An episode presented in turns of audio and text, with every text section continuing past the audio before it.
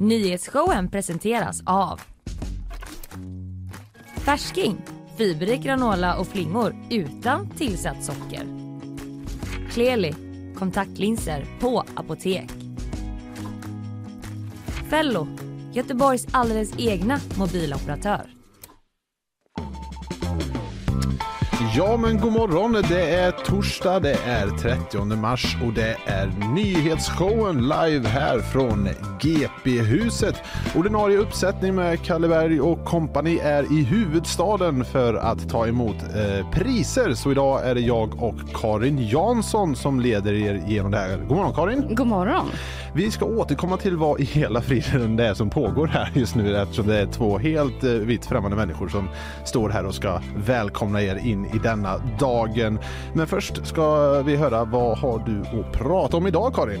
Regeringens klimatpolitik sågas. Mm. Eh, sen pulverlarmen igår på landets länsstyrelser ska vi prata lite grann om. Mm, där, där ser man. Jag ska prata om Frölundas Game 7 igår. Jag uh, har skrivit ner Game 7 jättemånga gånger här i min uh, i Vad bra, du ska fråga vad det betyder. jag har också insett att det är så himla töntigt. Jag tyckte det var coolt igår när jag skrev det, men nu Ja, jag ändrat mig lite där. Jag ska i alla fall prata om det, lite spartips och en köttbulle som är gjord av mammut. Kul! Ja. Jag ska också prata om en spermadonator som har fått 550 barn i bakvagnen. Alltså inte, ja. fått 550 barn i bakvagnen har fått. Eh, det, det, måste vara något sorts, eh, nästan rekord. Ja. Världens mesta pappa skulle det här kunna vara. Kanske. Ja. Vi ringer upp honom. Vi Nej, ringer upp honom. En som vi inte ringer upp utan som kommer stövla in här i studion är GP-sportens Filip Troler. Han kommer gästa oss för att prata om fotboll. Sport! Sport! Japp, det blir en hel del sport idag faktiskt. För du känner Men stäng väl... inte av ni som inte gillar sport för att jag kommer försöka lösa det här för er. Jag ska ställa de frågorna ni undrar. Ja, vi, vi ska bara prata expected goals, offside-regler och hands. Det är det jag och Filip ska prata om. Nej, men vi ska prata om säsongen som drar igång nu. Den drog igång eh, i helgen för damerna och eh, för herrarna kommer den dra igång. Och vi har ju massa Göteborgslag som eh, ska spela nu den här säsongen och ja. förväntas gå ganska bra också faktiskt här i Göteborg. Så det är roligt. Kul! Men om vi då ska försöka reda ut vad i all sin dar som händer. Varför sitter vi här helt plötsligt? det känns som att man har gått in på sin stora syskons rum mm. när de är borta hos kompisar. Typ. Ja, precis, och så har vi tagit över deras studio bara så att jag ska latcha lite här. Ja. Nej men vad, vad, vi nämnde ju det, Karleberg och kompani eh, är i Stockholm. Stockholm. Och de är fortfarande där, de drog mm. dit igår. Och det är för att Tidningsutgivarna har en årlig eh, gala och prisutdelning. Eh, som de kallar Årets dagstidning. Mm. Eh, och då var ju eh, nyhetsshowen nominerade till Årets ljud. Mm. Och de vann! Bästa ljudet i hela, hela Sverige. Ja, ska vi applådera? Ja, absolut. En applåd där. blir alltid så klent va? Det är ju otroligt kul. Det här reflekterade inte jag över förrän igår när Louise Sandborg här på GP sa att eh, nu kommer vi ha massa lyssningar för att folk liksom så här, oj det här är ju årets, är årets ljud. Och så kollar de in och så är det liksom två vikarier som sitter där och folk ska försöka Kalle Berg, det var han som var på P3, jag får se på honom. Men, och Ina Lundström, hon vill jag ju höra nu. Men så är det en, en webbredaktör från sporten som står här och är programledare Och en nyhetsreporter har dammat av. Ja, men du har ju någon sorts erfarenhet kring det här ändå. Du har ju gjort lite, eller du har gjort en hel del tv. Ja, men lite, jag har programlett lite för GP och lite för SVT mm. långt bak i tiden. Och lite radio, precis mm. som du ju. Ja, jag jobbar, jag är faktiskt eh, utbildad radiojournalist, men det var väldigt länge sedan. Eh, nu är jag ju som sagt webbredaktör, men jag har gjort lite av det här ändå. Men du har ju, vi pratar om det, du, det är en och en halv timme nu. Vi ska försöka ro i hamn här tillsammans. Du har ju sänt sex timmar med Göteborgsvarvet bland annat, så du har ju... Mm, det har jag. Ja. Eh, jo, det är ju det är som ett maraton då, mm. fast en halvmara. Men, eh, nej men eh, så det här borde ju, vi borde gå i gå i land med det här. Vi borde gå i land med det här. Jag har eh, faktiskt kammat mustaschen och trimmat näshåret idag bara för att liksom känna mig on point. Du, jag har satt på mig randigt för det har jag sett att Linnea och Fanny brukar ha. och så har, vi, har jag termosmugg för det brukar de också ha. Mm, och så har vi ställt fram de här uh, nyhetsshowen-kopparna som vi hittade. Uh, det är säkert uh, deras koppar. Men nu snodde vi dem och ställde dem här nu när vi får göra vad vi vill i den här studion. Så häng med nu i ungefär en och en halv timme framöver. Nej, men jag tycker det är bekymmersamt att folk litar på våra prognoser. Det där var en av de knapparna som Kalle sa, du behöver inte trycka på dem. Vi har, vi har, vi har kört de här jinglarna hur mycket som helst. De har ju lite så här roliga, jag har ju ett helt, liksom, eh, ett helt bibliotek av roliga ljud. Och nu körde jag en av dem här. Ja, Eh, I alla fall så ska vi prata om Game 7 igår. För eh, som eh, de flesta, eller jag vet inte de flesta, men det var i alla fall eh, match 7. Det är ju det som är det svenska ordet. För eh, kvartsfinalen mellan Frölunda och Färjestad igår. Känner du till detta? Eh, ja att de har spelat, ja. Men vad är match sju då? Match sju, man skulle kunna säga det är nästan någon sorts eh, magisk term inom hockey. Det är liksom, säger du Game seven så vaknar en hockeyback i läxan med gåshud över hela kroppen bara för att han blir så himla glad. Game seven är ju liksom, i slutspel kör man ju bäst av sju.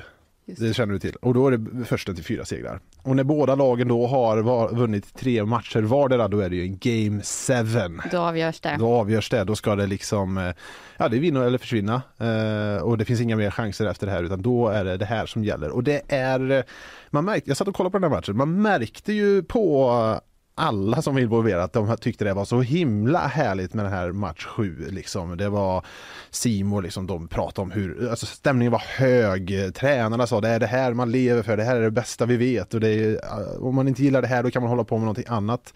Niklas Wikegård, eh, expert i Simon, han bjöd till och med på ett litet jiha i början av matchen när en Färjestadspelare bjöd på en tackling. Stämningsfyllt. Ja, otroligt stämningsfyllt var det. Det var i alla fall den här matchen och det fanns en liten extra krydda här med Frö- för Frölunda då. För ja, när man förlorar den här matchen så är ju säsongen över. Då är det liksom dags att gå på semester, damma av golfklubborna eller vad man nu hittar på och eh, göra någonting annat. Inte spela hockey helt enkelt. Och för Frölundas lagkapten Joel Lundqvist så skulle ju det här då potentiellt kunna vara den sista matchen i karriären. Det skulle kunna vara pension igår. Ja.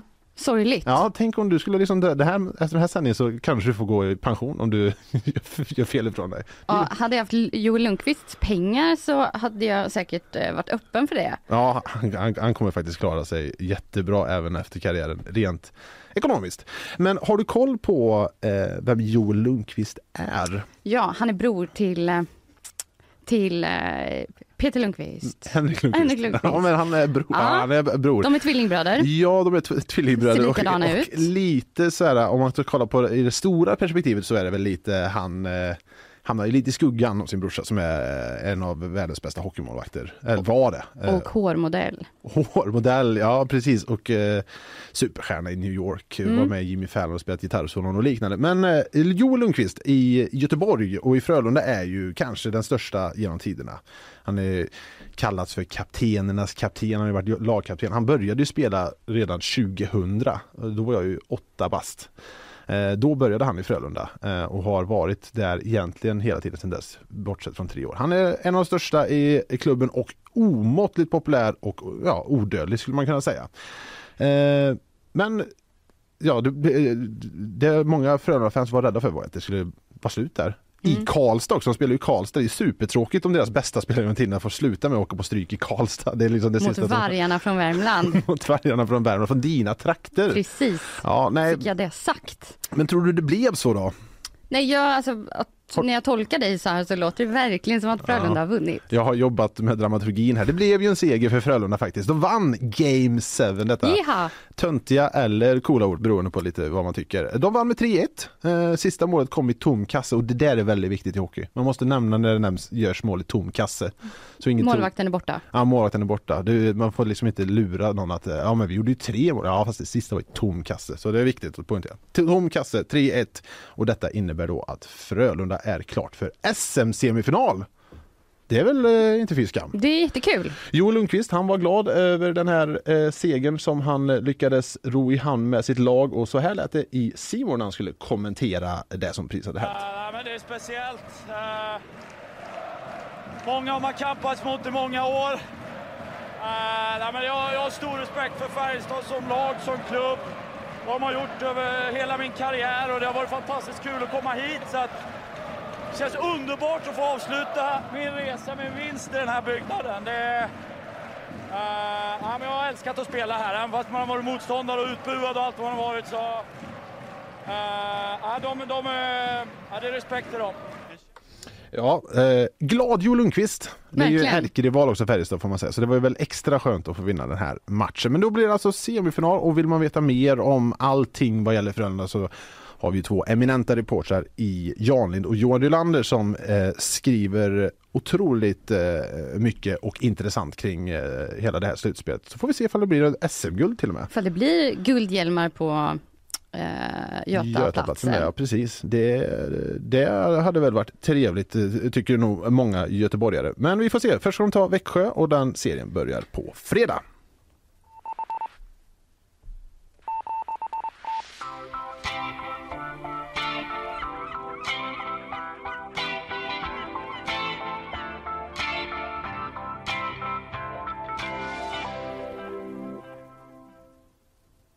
Igår så var ju en, eh, dagens största nyhet egentligen att eh, flera länsstyrelser i landet eh, fick eh, pulverbrev.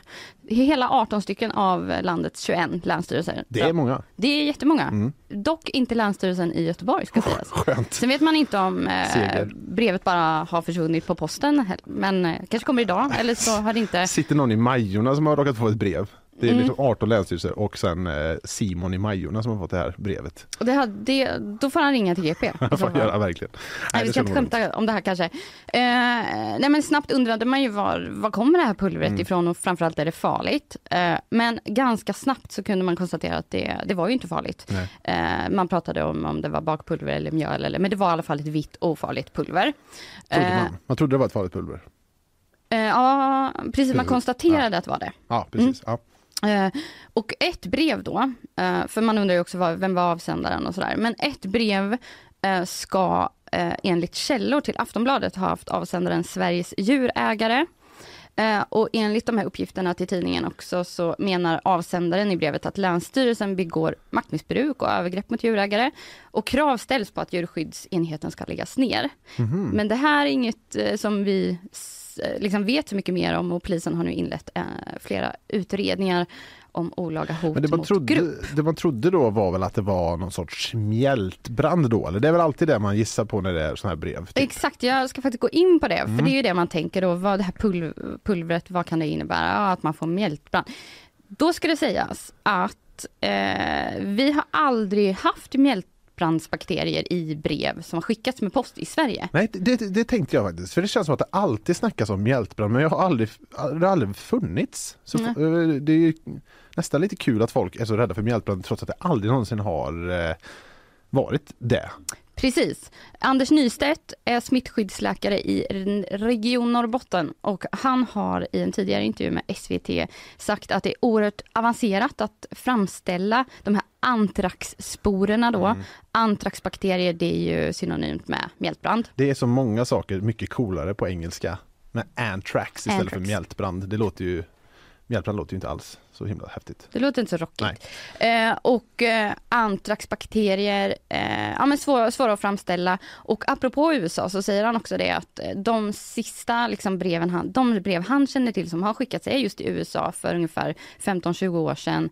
Men då var det en mikrobiolog vid deras smittskyddsinstitut som eh, stod bakom de här breven. Jaha. Så eh, ja, vad jag ska säga med detta vet jag inte mer än att jag tyckte att det var väldigt intressant att det är, då, är så ovanligt. Sen förstår man ju att eh, man, in, man, det är hängslen och livrem, livrem en sån här dag. Ja, det är ju ändå precis, man kan, även fast det aldrig varit det så vill man ju- jag, jag är ju alltid den där eh, som tänker på den där sista lilla procent, alltså så här, eh, även om det är en liten, liten marginell risk att jag skulle bli drabbad så tänker jag alltid, ja, men det är som i eh, Dum Dummare, har du sett den? Mm. När han frågar hur troligt det är att han ska få gå på dejt med något så säger de liksom one in a million eller något sånt där och han säger So you tell me there is a chance. Jag är sån fast åt negativt håll så alltså, du säger det finns en risk ändå att det här är mjältbrand i det här brevet jag har fått här. Så därför öppnar du alltid breven. Ja, jag låter alltid min sambo öppna breven. Nej men, nej, men jag, eh, jag tänker typ att man, kan ju, man måste ju ta det på största allvar för någon gång kanske det är Absolut. det här. Men vad är mjältbrand för övrigt? Vad, liksom, jag har aldrig riktigt fattat vad det är. Eh, har du det är, kollat det är en det? bakterie som sprids mellan djur och människor och eh, den är dödlig och väldigt farlig. Det Mm. var väl den, eh, snabba beskrivningen. En farlig bakterie som sprids mellan djur och människor Mm. och som, kan, som skulle kunna förekomma i brev men troligtvis inte gör det. Ska vi ta symptomen? Ja. Det här, nu kommer jag ju ha mjältbrand när jag kommer hem sen, kommer jag känna eh, direkt. Har du några symptom där du kan bjuda Eh, på. magsmärtor, feber, illamående, diarré, kräkningar och eventuellt blodförgiftning. Tror... Det låter, eh, det låter fruktansvärt, men det låter också som att alla de här skulle kunna vara symptom man har en dag. Ja, jag vet Ja. inte, det får stå för dig. Vakna, men man kan ju ha ont i magen. Kan man Ja, ha. Till exempel. Men det kanske inte nödvändigtvis behöver vara mjältbrand. Men det var väl skönt att det inte var, eller det var väldigt skönt att det inte var det. Mm. Så eh, eh, ja, vi konstaterade att det inte var någon fara och så Kör vi, kör vi ett ljud på det? Ja, vi kör sponsorer faktiskt. Mm. Nyhetsshowen presenteras av Färsking, fiberrik granola och flingor utan tillsatt socker. Kleli, kontaktlinser på apotek. Fello, Göteborgs alldeles egna mobiloperatör. Ja, men välkomna tillbaka här till nyhetsshowen 95,8 MHz skulle man vilja säga. Men det eh, stämmer inte. Det är en poddbaserad, eh, webbaserad eh, show det här. Inga megahertz så långt ögat kan nå.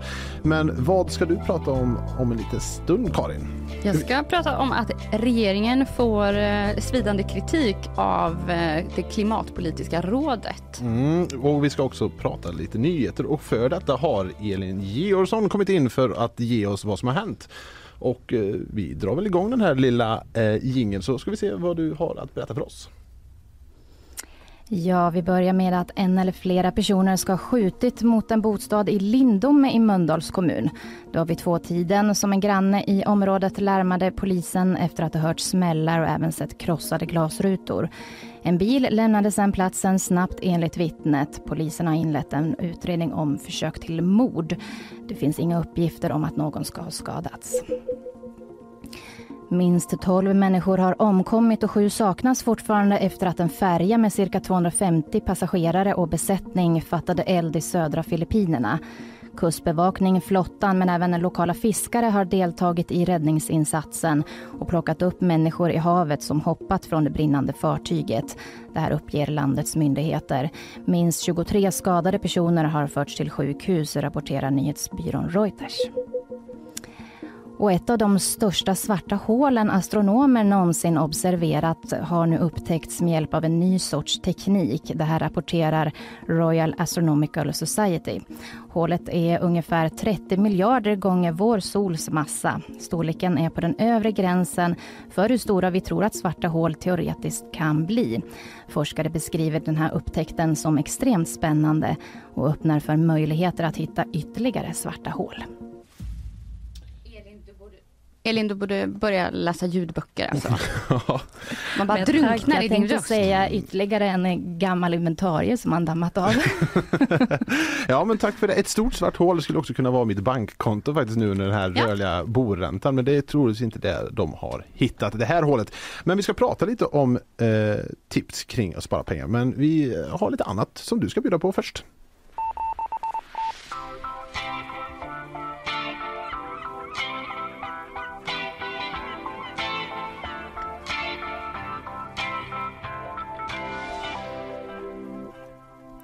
Jo, Klimatpolitiska rådet sågar regeringens klimatpolitik. Först kanske vi bara ska reda ut vilka Klimatpolitiska rådet är. Mm, det känns som att det är en bra början där. Ja, för du... Nej, jag, jag, nej, jag är helt lost. Jag tycker, jag, jag, jag hänger aldrig med på riktigt vad alla de här olika råden och det är. Men jag har en aning ungefär. Namnet ger ju en fingervisning. Yes. Eh, jo, Klimatpolitiska rådet är ett oberoende tvärvetenskapligt expertorgan som utvärderar om regeringens samlade politik leder mot målet om noll nettoutsläpp av växthusgaser år 2045. 2045. Mm. Eh, och igår överlämnade de sin årliga rapport till regeringen där de gjort en bedömning av regeringens samlade politik. Då. Eh, och då tar man hänsyn till de här målen. Mm. Och det blev underkänt kan man säga. Ah, Mm. Det ante mig. Det känns som att eh, ja, det, det är svårt de där målen. Och det, De är kluriga. de är kluriga. Ja. Eh, I rapporten så skriver de att den politik som den nya regeringen hittills eh, presenterat eh, inte är tillräcklig för att, klimatmålen, för att nå klimatmålen 2030. Istället för att snabbt minska utsläppen så kommer hittills förändringar som regeringen har genomfört att i närtid öka utsläppen. Det där, det där är ett tråkigt betyg att få. Ja det är det ju. Och det här gäller då framförallt från inrikestransporter och arbetsmaskiner. Det är inget man tänker på kanske sådär. Nej, nej, man där. tänker alltid, när det kommer till klimatutsläpp så tänker man typ alltid på flygresor. Man, Eller hur? Jag, jag tänker alltid, ja men det är ju alla de här flygresorna.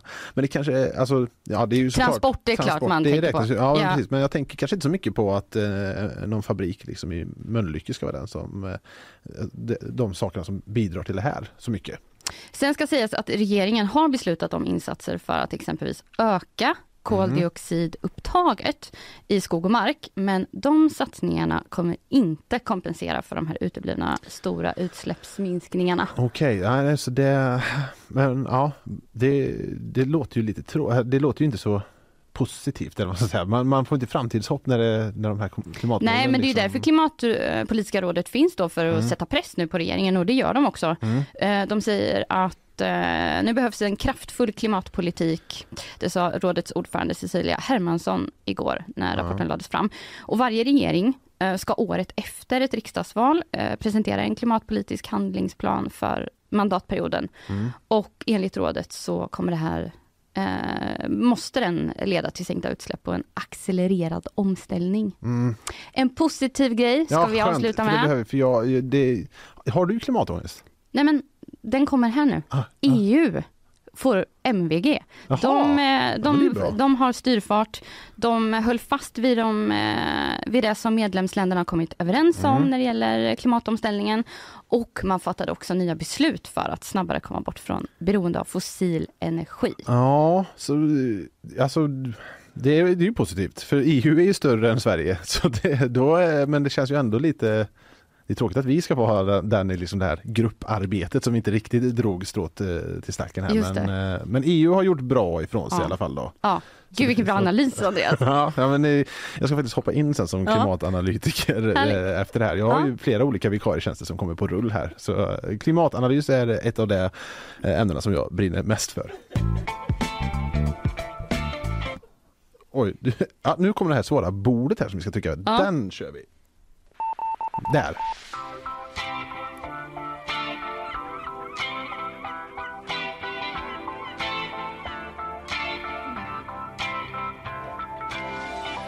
Jag tänker att någonstans när den här nyhetsshowen är över så ska jag ha lärt mig alla de här färgglada knapparna och alla ljud de innehåller. Det är ju nästan den största utmaningen med hela det här vikariatet som man har eh, dratt på sig här. Men vi ska prata lite, det, fin- alltså det blir, finns ju fler anledningar till att ha lite ont i magen, tyvärr. Det finns ju gott om sådana anledningar och en av anledningarna är ju de tuffa tiderna som vi befinner oss i nu. Och då snackar jag inte det. bara om de som Per Gessle sjunger om utan de faktiska tuffa tiderna som eh, har eh, kommit till oss. Du kanske har märkt att det är lite, eh, lite, lite tunnare i plånboken? Det har jag, det Mm. har jag. Eh, jo, verkligen. Vi, eh, jag och min sambo, eh, vi trodde nog att han skulle kunna vara hemma föräldraledig en månad till. Han har fått börja jobba och ja, jag behöver inte dra hela privatekonomin kanske, men japp, vi känner av det. Redovisa här nu, vad, vad är pengar in och pengar ut? Vi, vi letar klipp. Ja.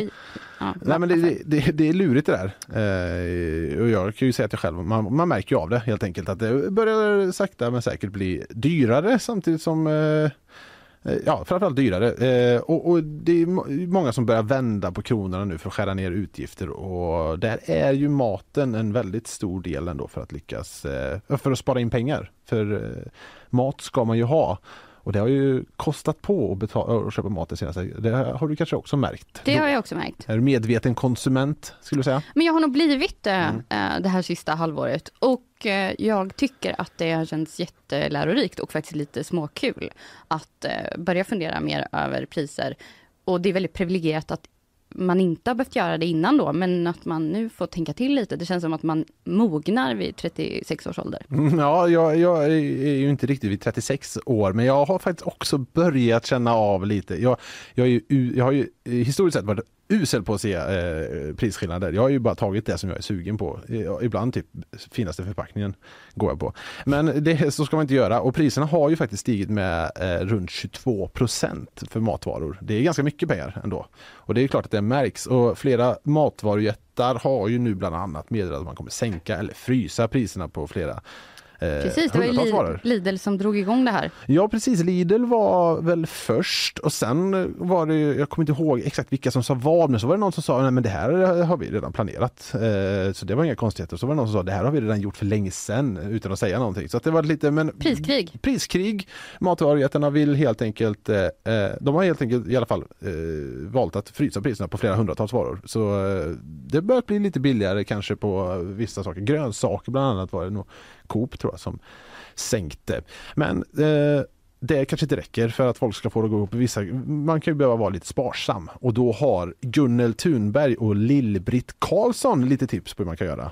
Det, och och det här är då två eh, pensionärer samt änkor vilket påverkar deras ekonomi såklart. De är ensam, bor ensamma. Och eh, de har det därmed rätt tufft och därmed har ju de också eh, bra tips på hur man ska göra liksom och de vet hur man ska eh, spara lite pengar. Och det första som Gunnel berättar är att hon är noga med att bevaka reklambladen.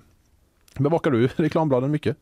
Eh, nej, inte så mycket. Nej. Men eh, det finns en app där man kan eh, få priskoll. Mm, Den går jag in och kikar på ibland. Då ska man skriva Precis. in sin butik Mm, och så kommer det upp rabatter. återkomma till här. eh, Mm. Det men en liten teaser att det finns en app som vi ska kunna berätta om lite senare. Nej men precis, det finns ju det. Men reklambladen de har jag ju oftast bara kastat.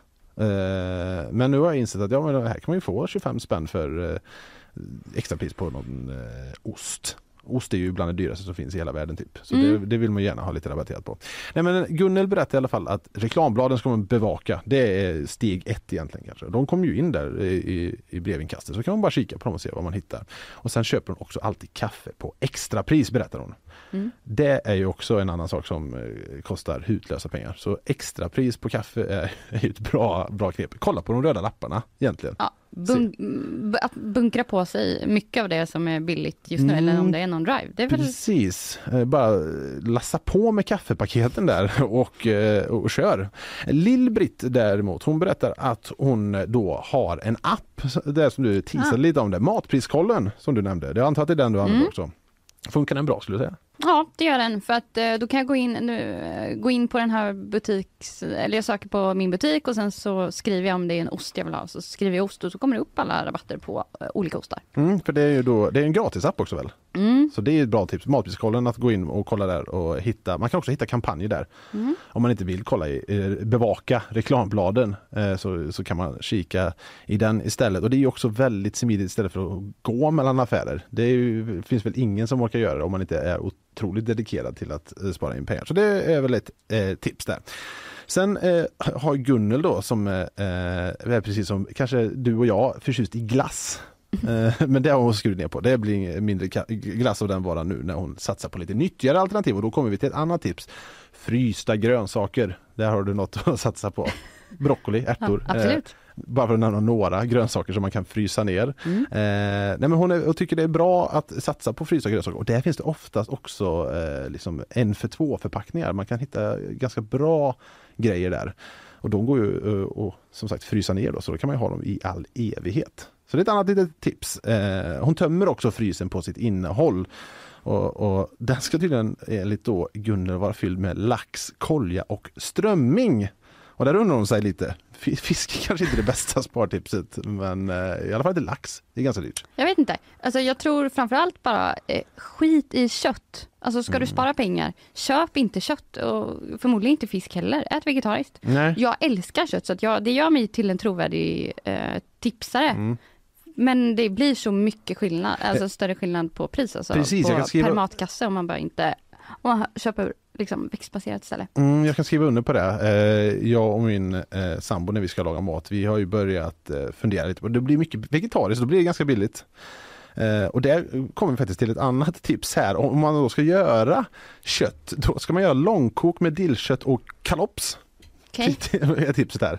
Det Jag vet inte om alla de här tipsen riktigt riktar sig till vår målgrupp men eh, vi kan ju Nej. testa. Nej, kanske inte lång, jag jag vet inte, dillkött och kalops låter kanske som att det inte är den trendiga. Det är inte vad man ser i om man kollar på Sveriges Mästerkock Ja. så är det inte någon som så, vinner finalen med att ha gjort långkok på dillkött och kalott. En sa en gång till mig, shoppa i din egen kyl och frys. Och det är faktiskt, eh, det tycker jag är en bra idé. Mm. Att så här, istället för att åka till affären, försök liksom tömma ut det du har. Typ. Det är nästan som att vi har eh, liksom jobbat ihop det, för då kommer vi till nästa tips Mm. och det är soppor och där kan man tömma sitt skafferi. Det är bara liksom att döna på om man har lite fantasi och liksom kunskap. Så är det eh, tömma skafferiet och äta lite mer soppa helt enkelt. Härligt. Nu har vi fått en gäst i studion. Ja, men vi ska återkomma till honom om en liten stund.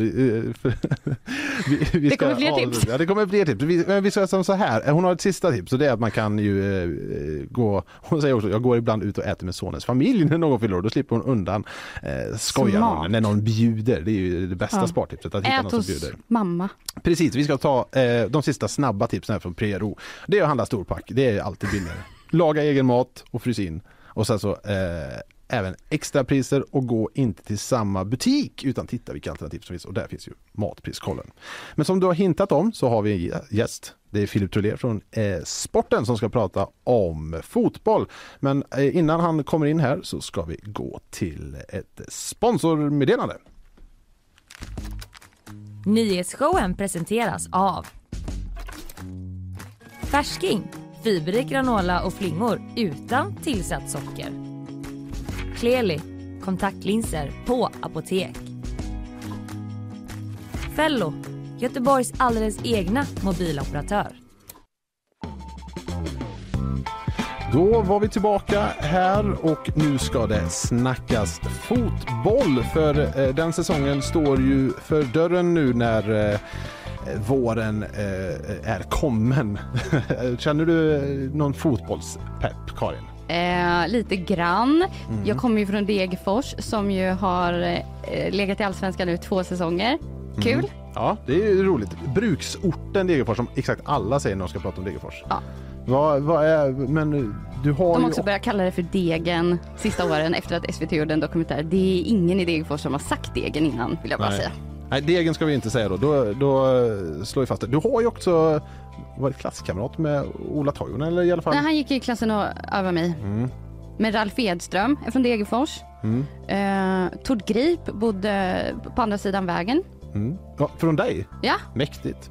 Ja, med oss för att prata om fotboll har vi eh, Filip Trollér. Vem, du är från Båstad. Eh, är först och främst välkommen hit. Du är från Båstad. Tack, Vad har tack. ni för fotbollsnamn eh, namn därifrån? Eh, Båstads GIF. Mm. Eh, inga, inga större bedrifter på den föreningen när det gäller elitfotboll i alla fall. Jag tror, kan det vara division 3 som är det bästa? Jag vet att de inte, när jag var liten någon gång så var jag där på Örebäcksvallen som brukar vara med i toppen när det gäller finaste idrottsplatser och sådär. Ja, och, okej. och landslaget brukar ju vara där och ha sina förläger till mästerskap och Just sådär. det, just det. Men en gång när jag var liten då var jag där och såg dem spela Svenska Cupen kval mot Landskrona Boys. Eh, Jag tror det är kanske det största ögonblicket eller något sånt där i, Båstad GIFs historia. Jag Ja. vet inte. Ni får nöja er med tennis där nere istället. Ja, Men- det är väl lite bättre då. Finns det ingen fotbollsspelare från Båstad som är, liksom, har blivit någonting? Eh, Magnus Arvidsson, han, eh, Känner du till Karin? Magnus Arvidsson? han, lirar en, jag tror ändå han har lite landskamper på, på meritlistan, spelar tyska ligan, bland annat Bundesliga. Ja. Eh, men han är ju då från Förslöv, rivaliserande orten i kommunen här till, till, eh, ja. till eh, Båstad. Don't get me started om Förslöv, det ska jag säga direkt alltså. har, du, har du koll på Förslöv? Nej, absolut inte. du- Nej, jag jag Men ville du- bara liksom sympatisera för att få in en god stämning här. Ja, men det så vi fint. känner gemenskap mot Härligt. Förslöv. Härligt. Eh, Men det, som sagt, det är ju fotbollspremiär. Den har ju varit eh, för damerna redan Yes. i helgen eh, och nu eh, till helgen började det för herrarna också. Vad, hur är känslan nu då, du som är fotbollsreporter här på GP, fotbollsälskare får man ju verkligen säga. Ja, jo det är jag ju. Jag är- jag är lite av en nörd. Mm. Eh, nej men det är ju alltid eh, fantastiskt eh, mycket förväntningar och förhoppningar hos eh, allt och alla och det inkluderar väl en, en själv också. Det är massa upptaktsträffar och grejer liksom där det ska snackas, snackas ihop eh, om, om ligan och man tittar på de olika trupperna, vem är det som, som är hetast i år och, och sådär. Så det är väldigt mycket förväntningar men Vädret Mm. drar väl ner eh, den här riktiga vårpremiärfotbollskänslan än så länge. Mm, det är inte precis så att man, när man tittar ut här så känner man att åh vad gött det ska bli att sätta sig på eh, Gamla Ullevi nu och liksom kolla på fotboll i 90 minuter. Nej, den, eh, det var, jag, jag var gjorde ett reportage i Värnamo igår. Då var det snö på vägen i, genom skogarna där och ja, usch, riktigt vidrigt kallt. Så jag hoppas att eh, vädergudarna kan göra en insats här under Du, slutet. av- du var i Värnamo igår ja. Ja, så det du var jag. liksom far och flänger nu Ja, genom Sverige jag. för att kunna liksom ladda upp inför det här. Ja, fram och Ja. tillbaka överallt, kors och tvärs. Men eh, som sagt, det är, jag skulle vilja säga att det är den mest eh, intensiva perioden för en sport, eh, fotbollsreporter under hela året. Så det är bara att köra ända in i kaklet. Mm. Skulle du säga att det här är årets höjdpunkt eller? Ja, Är det lite kosläpp till och med kanske? Ska man använda det Ja, ordet? Inte otippat att du vill använda, använda den Är referensen. man från Falköping, eller från Sveriges kotätaste kommun så Ja, måste man ju... Måste den in. Ja, och det finns inget gladare än kor som Nej, släpps. nej men det är fantastiskt. Jag älskar kosläpp faktiskt. Jag Mm. brukar, vi har väl livesänt det någon gång eh, sådär. Eller Mm. Karin, du har varit ute Karin på. ja. Jag fick äran Ja, att programleda det.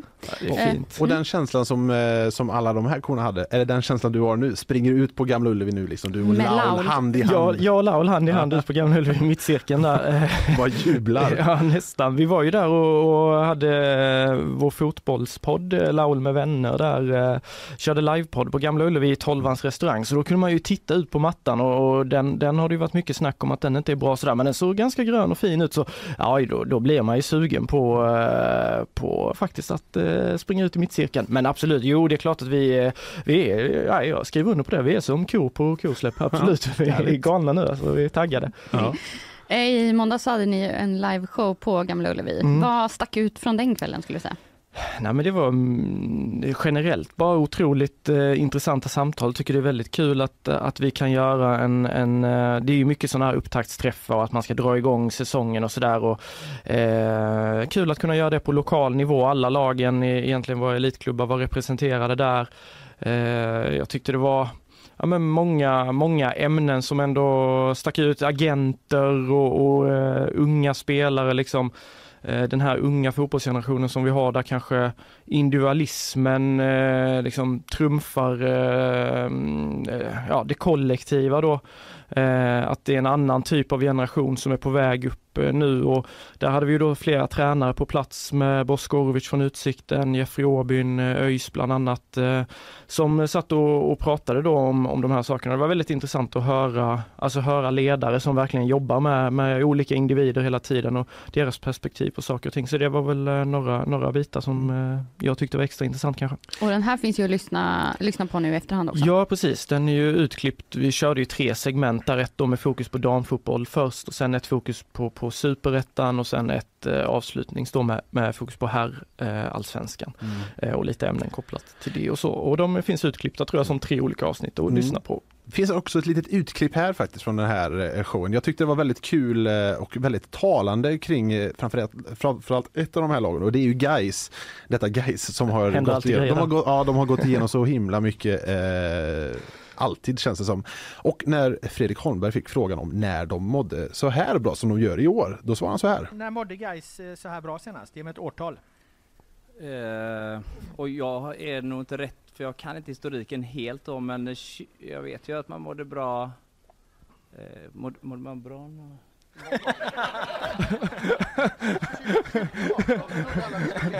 ja, 2018 verkar de ju mått bra. Ja, och ja, 2011 mådde de jävligt, eller vi, Ja. jävligt bra. Ja. 2011, vi kör på 2011 där? Ja, eh, Vi har inte mått så här bra på 13 år eller 12 Ja, det var år. dit jag ville komma. Så här jävla bra har ni inte mått på, på 12 år då eller?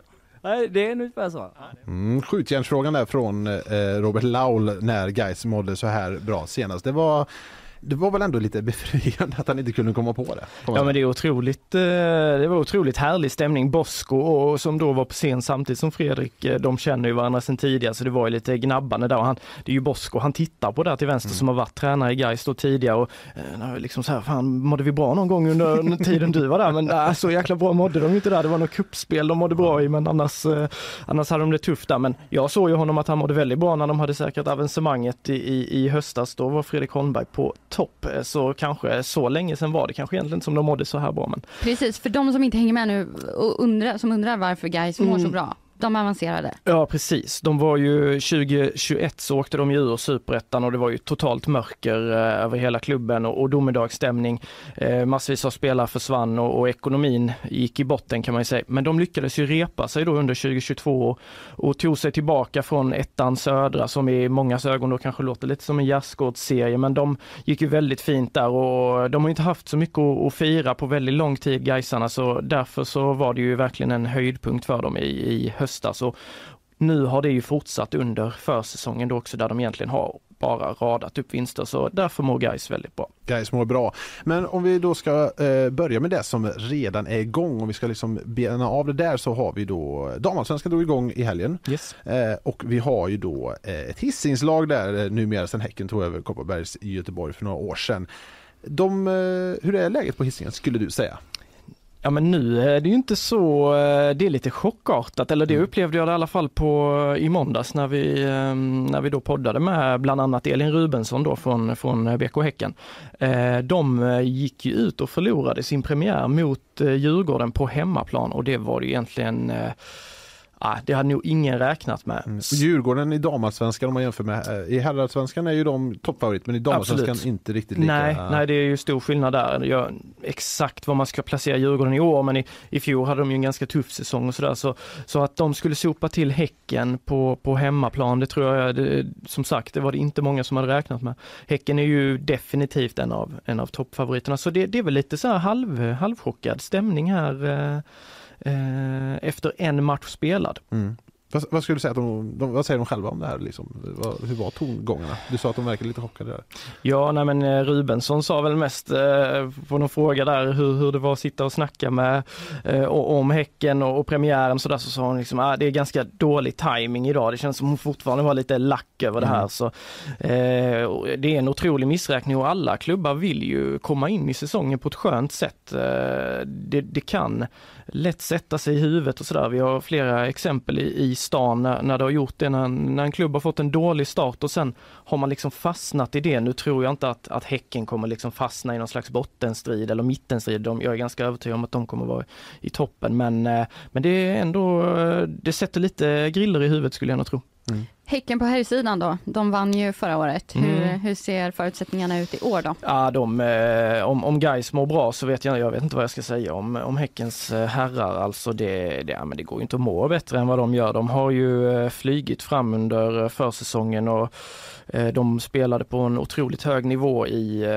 i höstas och hela förra säsongen men de har spelat på en ännu högre nivå det här året. Deras tränare Per-Mattias Högmo ryktades ju lite bort här för ett par veckor sedan. Eh, Högmo som är väldigt omtyckt och populär på hissingen naturligtvis eftersom han då förde dem till, till SM-guld och, och gjorde dem till ett så bra spelande lag. Vadå, vad skulle hända med honom? Eh, det var intresse från Danmark där, Aha. en dansk storklubb, Midtjylland. Det var väldigt, det var till och med dansk media som basunerade ut att eh, Per-Mattias är klar. Det var en av mina mest kaotiska dagar i mannamin, eller den senaste tiden. I mannamin, oj, Nej, mannamin ska jag ja, säga. Men du, det var jag som skrev den här artikeln ju, att, för ja. det kom ju den här danska uppgiften om att han var klar och man bara, då högg man direkt och skrev ja. och alla liksom körde. Och så går man in på den här artikeln lite senare, då har de, hade de helt, den här artikeln hade bara bytt bort allting. De bara så, nej nu är det han som är klar. Va? Så det var en, en, en bisarr nyhetshändelse och vi fick ringa till Häcken och fråga är Per där? Ja han är här nu med. För det var ju en gång tidigare ja, som en dansk media sa att han redan var i Danmark. Så det har varit mycket diskussioner kring ifall han är här eller inte. Men ja, han är här. Ja han är ja. här. Han är kvar och det är de naturligtvis väldigt glada för allihopa. Mm. Och eh, Häcken är framme, vi värmer ju alltid upp med Svenska kuppen här på försäsongen innan allsvenskan mm. drar igång. Och eh, där har de ju gått från klarhet till klarhet och egentligen kört över allt motstånd och mötte Djurgården som då många ser som den kanske en av de stora utmanarna i, i guldstriden i, i semifinalen och, och vann klart över dem. Men då... finns det ingen risk att, för just det här att de, det har gått för bra för dem så att de kommer bli av med sina bästa spelare nu i sommar? Jo, alltså det är klart, eh, alltså Sveriges plats i, i hierarkin i den europeiska fotbollshierarkin, vi är ju fortfarande långt ner har inte exakt i huvudet vad ligan är rankad men vi är ju efter 20, 20, liksom 20, 25 plats där någonstans. Så svenska klubbar generellt, gör du det bra där, gör du det bra i en allsvensk toppklubb, då får du ju direkt eh, alltså stora ögon på dig och i synnerhet om du är en ung spelare och Häcken har ju ett par, par unga spelare som, som då har gjort det bra. Så det är klart att det är en risk men man kan ju, man kan ju inte kliva in i en säsong och liksom, nej fan vi, vi får torska någon match här på vägen, liksom se lite halvris ut. Det går ju naturligtvis inte. Eh, men det är väl klart att fortsätter de så här så har jag ju svårt att se eh, vilka som ska kunna stoppa dem, även om jag har tippat att Malmö FF eh, vinner. Du tror att de vinner eh, SM-guld Malmö? Ja, jag tror det. Men kuppen tror du Häcken tar den då? ja, det tror jag. De möter ju Mjällby där, lite outsiders mm. som också gjort det bra.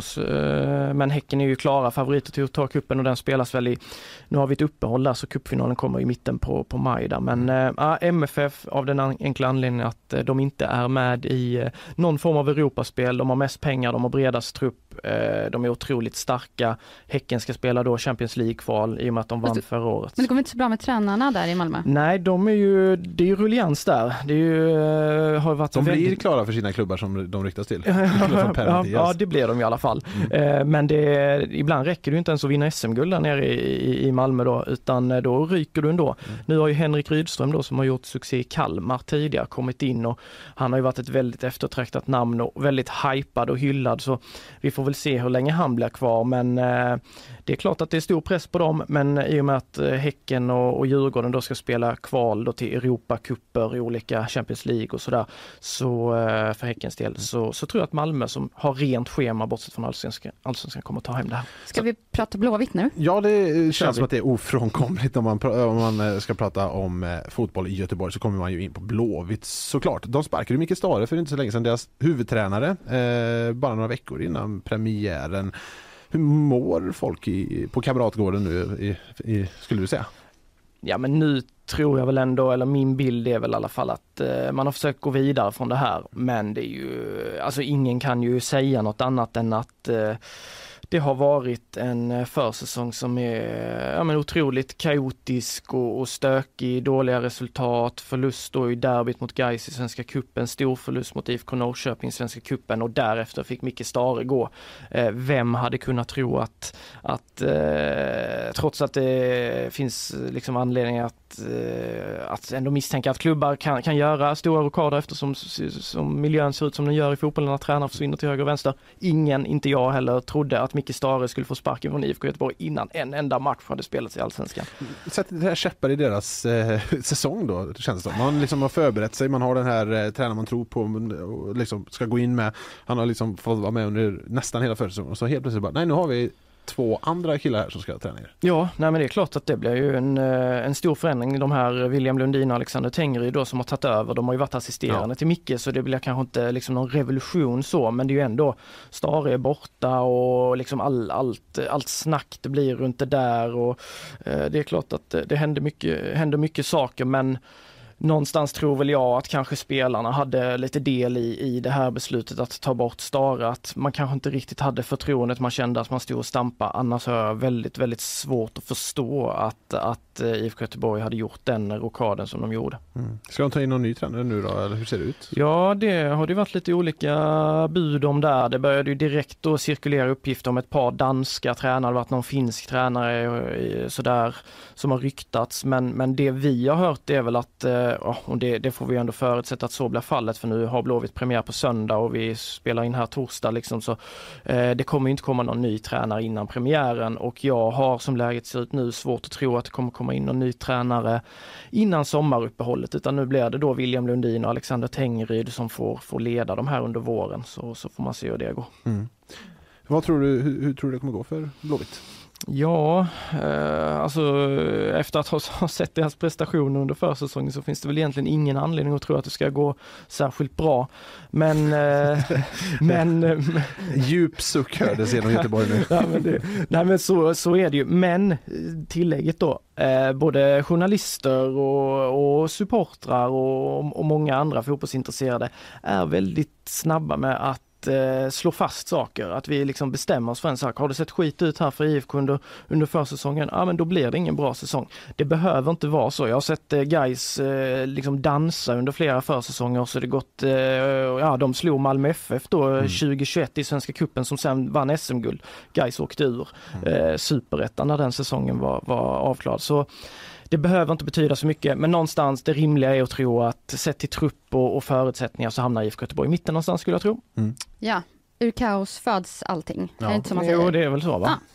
Fågel Eh, Fenix-liten som du kör på Ska morgonkvisten. vi prata om superettan? Ja, Där har vi ju då Gais, ÖIS och Utsikten. utsikten. ja, som man aldrig pratar om. Nej, de hamnar ju lätt i skymundan. Vi har ju ett gäng stora drakar i den här staden och då eh, är det väl så att Lilla Utsikten som inte heller har någon större supporterskara, de hamnar lite i eh, skymundan. Men Vi, vilka håller på utsikten? Ja du, vilka håller på Utsikten? Nej, men jag tror där är ändå ett, eh, de är ju då eh, hemmahörande i, i, i väster i Frölunda, spelar egentligen sina hemmamatcher på Rudalen men av, av eh, olika skäl eller att arenan inte har hållit den superettan standard som krävs har de ju då fått spela på Bravida Arena på, på Hisingen. I fjol fick de spela där, det är lite oklart fortfarande vad som händer. De är väl lite av en kvartersklubb? Ja men precis, de är en kvartersklubb ute i, i Som- väster egentligen. Det Eh, låter härligt tycker jag. Ja, jo men det, de har gjort en fantastisk resa under eh, 2000-talet. De, eh, om jag inte minns fel så var de ju nere i, eh, ja men vi snackar ju division 5, division 6 och har liksom klättrat upp för stegen. Sen var de väl uppe i superettan om det var 2014 eller 2015 för första gången då i klubbens historia, åkte ur direkt.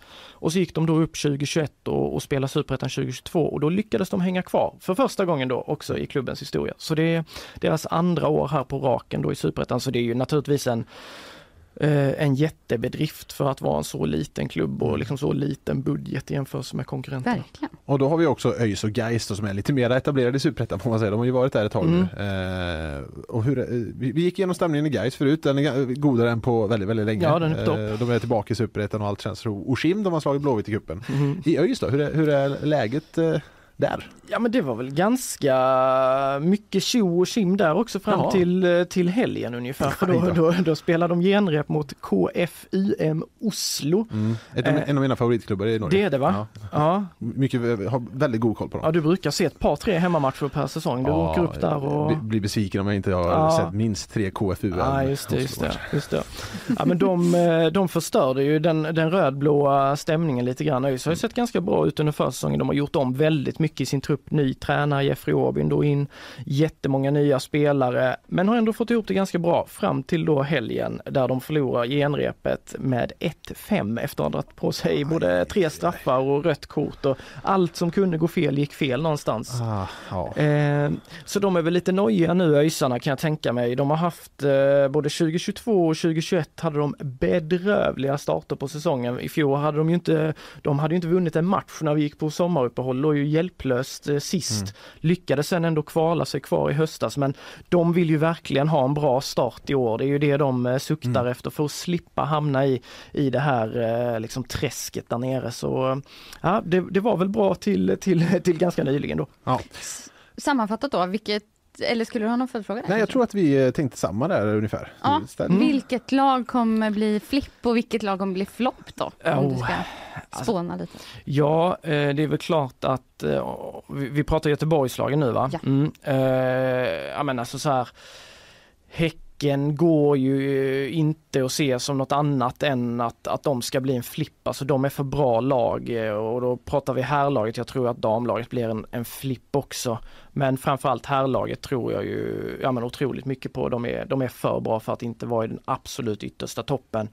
Och sen har jag ju snackat mycket om att Gais också i en superettan kontext då med tanke på hur bra de har sett ut och hur, hur, hur gedigna det laget har sett ut under försäsongen och förra året att, att de också har potential att bli en flipp. Tar vi floppsidan eh, så eh, ligger väl i så fall Ja, IFK Göteborg, det är ju liksom eh, oundvikligt att, att inte hålla dem närmast den, den eh, platsen med, med, med tanke på hur, hur det har sett ut. Så, eh, men förhoppningsvis, jag hoppas alltid att, eh, att vi ska få roliga säsonger för våra Göteborgslag, få skriva om lite framgång. Jag tyckte det var kul med Häcken och Häcken som vann SM-guld och Gais som eh, gick upp ur ettan södra i fjol, eh, att man fick skriva om lite framgång för sen jag började på GP 2016 och bevaka Göteborgsfotbollen där i den, i den vevan, det har ju egentligen bara varit elände annars. Ja, Ja men det låter ändå som att det eh, vädrat lite vårvindar Ja. nu även liksom inom Göteborgsfotbollen.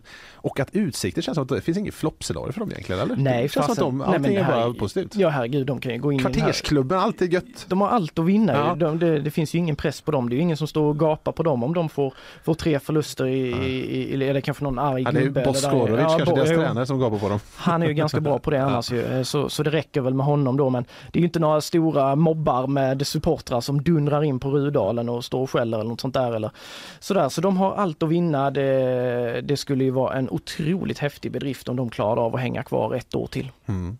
Stort tack Filip Troler, GP Sportens eh, fotbollsreporter och enligt Robert Laul Sveriges främsta superettankännare. Han gillar att eh, hypa upp mig eh, ganska mycket och jag sa det där på den här livepodden vi har att, han skulle kunna vara min agent faktiskt. Ja, Han tar mina löneförhandlingar i framtiden och Men det sådär, och innebär, så skickar in Laul också, bara. det innebär också att du är världens främsta superettankännare. Ja det måste det ju vara då. Ja. Ja det är ja, svårt att Stora ta in. skor att fylla. ja precis, Jag, jag backar nog lite på den tror jag. Men eh, tusen tack för att jag fick eh, komma hit. Och... Kul att ha dig här. Ja, kul att ha dig här och kul med fotbollspremiär som eh, kommer här men eh, det kommer också komma lite nyheter men först ska vi ta ett ord från våra sponsorer.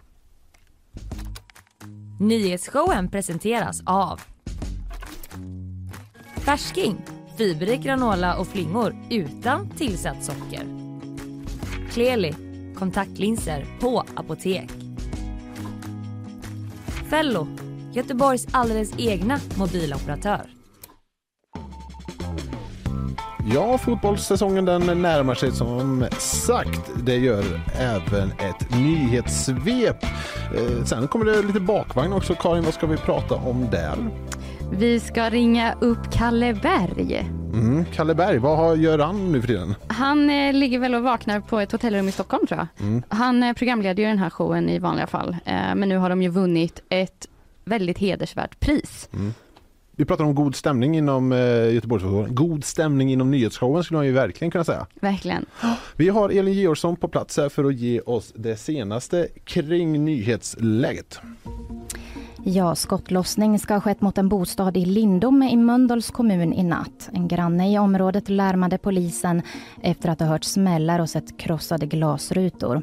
En bil lämnade sedan platsen snabbt. Det finns inga uppgifter om att någon ska ha skadats. Polisen har inlett en utredning om misstänkt mordförsök. Sju bilar var nu under morgonen inblandade i en olycka på E18 utanför Hallstahammar, uppger polisen. Två bilar är i diket och ett hundratal meter mitträcke är sönderkört. Minst tre personer kommer att behöva åka med ambulans till sjukhus, uppger polisen. Frölunda är klart för SM-semifinal. I en fullsatt arena vann göteborgarna den sjunde och avgörande kvartsfinalen mot Färjestad med tre mål mot ett. Och därmed fortsätter Joel Lundqvists sista ishockeyresa. 41-åringen lägger ju av efter säsongen. Men först väntar Växjö i semifinalen på fredag. Stort tack för det Elin Georgsson. Som sagt Frölunda klart för semifinal. Det är väl härligt. Ja. Det går bra i Göteborg. Ja, det gör det verkligen. Allting faller på plats. Men nu tror jag inte vi har så mycket sportnyheter kvar resten av det här det, var programmet. allt, det var allt. Jag ber om ursäkt för eh, er sportointresserade. Men nu är det väl dags för bakvagn och lite glada samtal från Stockholm va? Ja.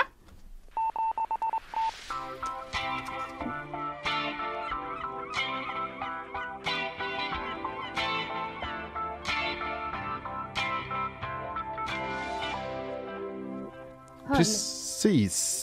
Vad, eh, nu funderar du på saker och ting här.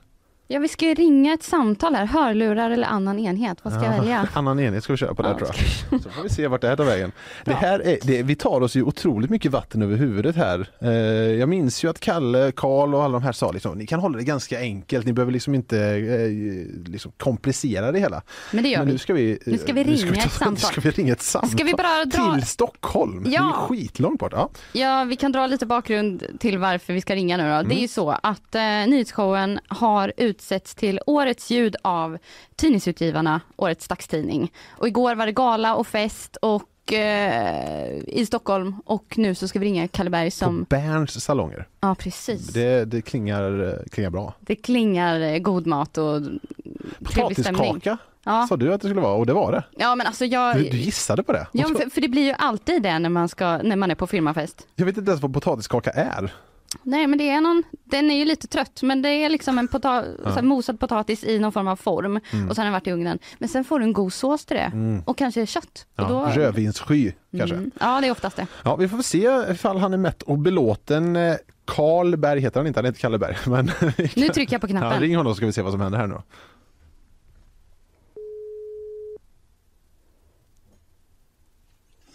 Hallå! Karl Berg, nej Kalle Berg, välkommen eh, till nyhetsshowen. Är du vaken? Tack så mycket. Ja, då, jag är ganska nyss uppe. Tyvärr, men vänta jag- lite Kalle, tyvärr glappar det så häng att kvar jag, Kalle här, vi ska se. Eh, Jag hör inget Du i hör mina inget här nu eh, eh, Karin. jag hör inte Kalle. Ska vi se här. Ska ta lite producentsnack här. Häng kvar Ka- Kalle så ska vi eh, kika här ifall vi kan få lite ljud i Karins lurar. Det vore kul om du kunde få prata med honom Det också. kanske bara är de där som glappar. Ja, nu säger jag ingenting heller så det är svårt att veta. Men... Ja, nu ringer vikarierna Kalle här för att höra vad, eh, vad som är problemet. Ska vi se ifall Sofie, eh, vår gode producent kan... Men om du hoppar över, om du hoppar över till Elins, så eh, om du tar nyhetsläsarlurarna så borde du kunna höra någonting. Vi Ja, gör en sån abrovinch. Kaotiskt här nu i nyhetsshowen. När lurar räcks åt höger och vänster och Karin eh, ber vi till Gud att du hör någonting nu. Hör du någonting Karin? Jag hör något. Du hör någonting! Fan det som hade börjat så bra. Hela showen var ju eh, smooth as hell och så nu detta haveri när vi skulle ringa upp Ka- Ja, mig. Ja, ja, det var onödigt. Men nu hör vi alla varandra, det är väl härligt. Härligt. God morgon, god morgon. Ja. Hur är läget? Jo då, det är bra. Uh, ja, men som sagt lite nyuppstigen. Men ehm, ja, fortfarande i uh, glädjerus då efter gårdagens seger. Så roligt att ni har vunnit. Vi, ska vi bara dra juryns eh, nominering lite snabbt? Jag tar den en gång till. Får jag höra den igen? Ja. Det är rätt, det är roligt och det är relevant. Det är beroendeframkallande med en självklar känsla för det viktigaste för dagen. Och det är ett grepp som både använder tidningens journalistiska styrka och lockar nya målgrupper. Hur känns det att ha vunnit det här då? Ja, men det känns fantastiskt kul. Alltså jag eh, hade ärligt talat inte hunnit tänka så mycket på det inför för man är så uppe i the grind och bara göra nästa show och sådär. Men sen när man väl satt där och var på plats i det här rummet med, ja jag vet inte, en del liksom sådär branschhögdjur från Stockholm och man kände liksom när det började dra ihop sig, då kickar ju vinnarskallen igång liksom. Så, så då vill ju, jag vill ju vinna då. Så att när de väl ropade upp oss så, så eh, då blev det liksom eh, Ja, eufori. Det blev lite så eh, målgest, lite glädjevrål och liksom, lite sådär skutta upp på scen med hög energi. Så det, var, ja, det var jätteroligt. Jag blev skitglad. Jag blev jätteglad för, min egen skull men typ framförallt för hela vår redaktion och hela GP. För att det är så himla mycket, ett det låter klyschigt men det är verkligen så här ett laginsats med alla alla på GP som kommer in och gästar oss eh, och eh, alla på redaktionen som har liksom fattat grejen från dag ett. Och, ja, det man blir eh, lite rörd Ja, faktiskt. för min nästa fråga var vad, vad, vad betyder det att få ett sånt här pris? För ni Ja, men- har ju inte varit igång så länge. Ni startade ju i oktober. Ja, alltså på ett sätt så, jag menar i det stora hela i världen så betyder det ju ingenting självklart. Men, men för, för eh, oss och för mig, jag menar, ja men det är väl jättehärligt med bekräftelse och man får en känsla av att liksom man är på rätt spår, man gör någonting som folk tycker om, man får lite extra energi också. Eh, ett nytt självförtroende att eh, köra vidare och typ göra det ännu bättre och sådär. Eh, så det är, ja, det är liksom en ny knuff att typ fortsätta göra ett bra program. Mm. Så det, på så sätt betyder det mycket ändå. Hur firades det nu då? Ja, alltså först så var det ju liksom att man eh, efter adrenalinpåslaget liksom satt och typ stirrade ut i tomma intet ett tag. Eh, liksom försökte fylla på med typ kaffe och sådär. Bara för att eh, fylla på med energi. Men sen så när man väl plockade upp sig själv så, ja men vi, vi stack ut på någon sån liten fin krog en liten sväng. Men eh, där var vi väl en 20 minuter. Sen blev det karaoke med eh, hela liksom Stampen-gänget. Alltså Stampen som ju äger en massa andra tidningar och sådär. Kul. Eh, som ju ni vet, men alla lyssnare kanske inte har Vilke, vilken låt körde du då? Ja, men jag kom in mitt i We Are The World och då, eh, då eh, kändes det liksom helt perfekt. Så Ja. då hoppade jag in och körde min Springsteen och Dylan eh, imitation liksom. Så det var ju perfekt för min del. Vi ska väl också nämna att GP fick ju två priser där också. Maja Dalén fick ju Ja. också ett pris för årets... Eh, Medieledare. Medieledare var det va? Ja, skitkul och det var ju hon också jättevärd liksom. Eh, Så, eh, ja, hon körde ju, hon körde väl eh, Eddie Meduza och Shoreline lite sådär så att inte liksom hänga ut. Ja, härligt. Körde på bra där. Ja, det Eddie Meduza, det värmer ju ändå ett Falköpings hjärta här i studion ändå att, att någon Ja, bränner av den. Men du Kalle, den största vinsten är väl ändå att du ska få äta en hotellfrukostbuffé utan barn nu? Ja, som jag längtat. Men jag är ju så liksom inskolad i att hotellfrukost är det lyxigaste som finns när jag var liten. Det var alltid så... äh, var liksom lite, det var det var inte så ofta liksom, så det var nästan högtidligt när man fick gå ner där och ta någon sån svettig ost. Och de kanske har paprika också, det är ju så dyrt. Eh, så äh, ja, det ska bli riktigt gott. Jag tycker eh, hotellfrukost är lite överskattat. Vi måste kunna prata om det ändå. Det är, Ja. man blir så, jag, jag blir bara stressad av att det är så många alternativ och liksom man kommer in där och ska göra massa beslut när man precis har vaknat. Ja, och så tar man Ja. en för stor skål med yoghurt och flingor för att det ser så gott ut, sen orkar man ingenting annat. Mm. Men det är viktigt, väldigt viktigt att planera sin ätning Ja. Eh, när man är på hotellfrukost. Eh, men jag kan också hålla med om, när jag var yngre hade jag sådana affärsidéer om att man ska ha ett ställe där det är hotellfrukost hela dagen. Typ. Alla älskar ju det. Men eh, man, eh, man blir ju lite trött på det. Men det ligger så djupt rotat i mig så jag kommer aldrig tröttna ändå. Nej, det är mysigt. Ja. Får du träffa producent Karl och resten av gänget där nu då? ja, jag ska springa ner. Jag tror de, eh, några av dem är där nere och käkar. Yes, hälsa alla. Vi ska också säga att det är då eh, resten av gänget. Är Emily, Linnea, eh, Ina, Fanny och Isabella. Som Och Louise. Precis, Och Louise. Så Louise, ja. Och Karl, då sa du ju. Ja. Ja, nej, men exakt. Så alla, det här, det är allas pris och hela GPs på, ett, på någonstans också. Så det är svinkul. Stort grattis igen. Imorgon är du tillbaks i, bakom mikrofonen. Mm, sov Ja, nu gott på tåget här hem. Ja, nej, nej, nej. Jag ska göra quiz till imorgon så det är inget konstigt med det. Okej, ha det bra. Ja, det är bra. Kalle. Berg, eh, en av de här då nyhetsshowarna som har vunnit eh, årets ljud. Konkurrerade med krimpoddar och hela Gotland. Hela Gotland, Hela Gotland konkurrerade de med faktiskt. Vi slog dem. Eh, eh, Bisarrt. Ja, men eh, vi fortsätter med, med bakvagnen. Vi är inne i någon sorts bakvagn nu va? Ja, och bakvagnen innebär ju fler nyheter. Och du har en va, på gång. Jag har en på gång faktiskt.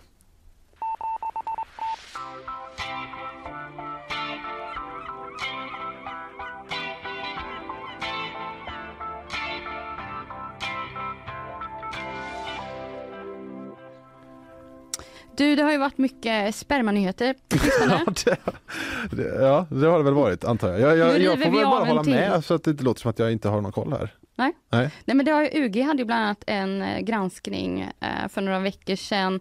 Så folk kanske tycker det här låter bekant, men det här sticker ut. Mm. Det är alltså en 41-årig spermadonator från Nederländerna som misstänks ha minst 550 biologiska barn. Känn på den. Oj, 550? Mm. Det måste vara världens meste pappa. Eh, det kan det vara. Eh, och nu Otroligt stäm- många best dad-muggar han skulle kunna få. Om, man, om, man, om, alla, om alla barnen hade Precis. knutit an till honom. Ja, nu stäms han i alla fall. Aj! Så det är inte så glatt. Eh, det är en organisation i landet som vill att han ska hindras från fler donationer för man menar att det här ökar risken för vadå? Incest. Ja, just det, precis. Det, är väl det. det låter ju som ett problem faktiskt. I Nederländerna får en spermadonator endast donera till en klinik och till max 12 kvinnor och de får inte ha fler än 25 biologiska barn. Mhm. Eh, och de riktlinjerna uppges vara till för att förhindra då inavel och incest men också för att förhindra psykologiska problem för de här barnen som kan få reda på att de har så många syskon. Just det, precis. Mm. Så den här mannen svartlistades redan 2017. Svartlistad spermadonator. Precis, ta inte emot hans sperma.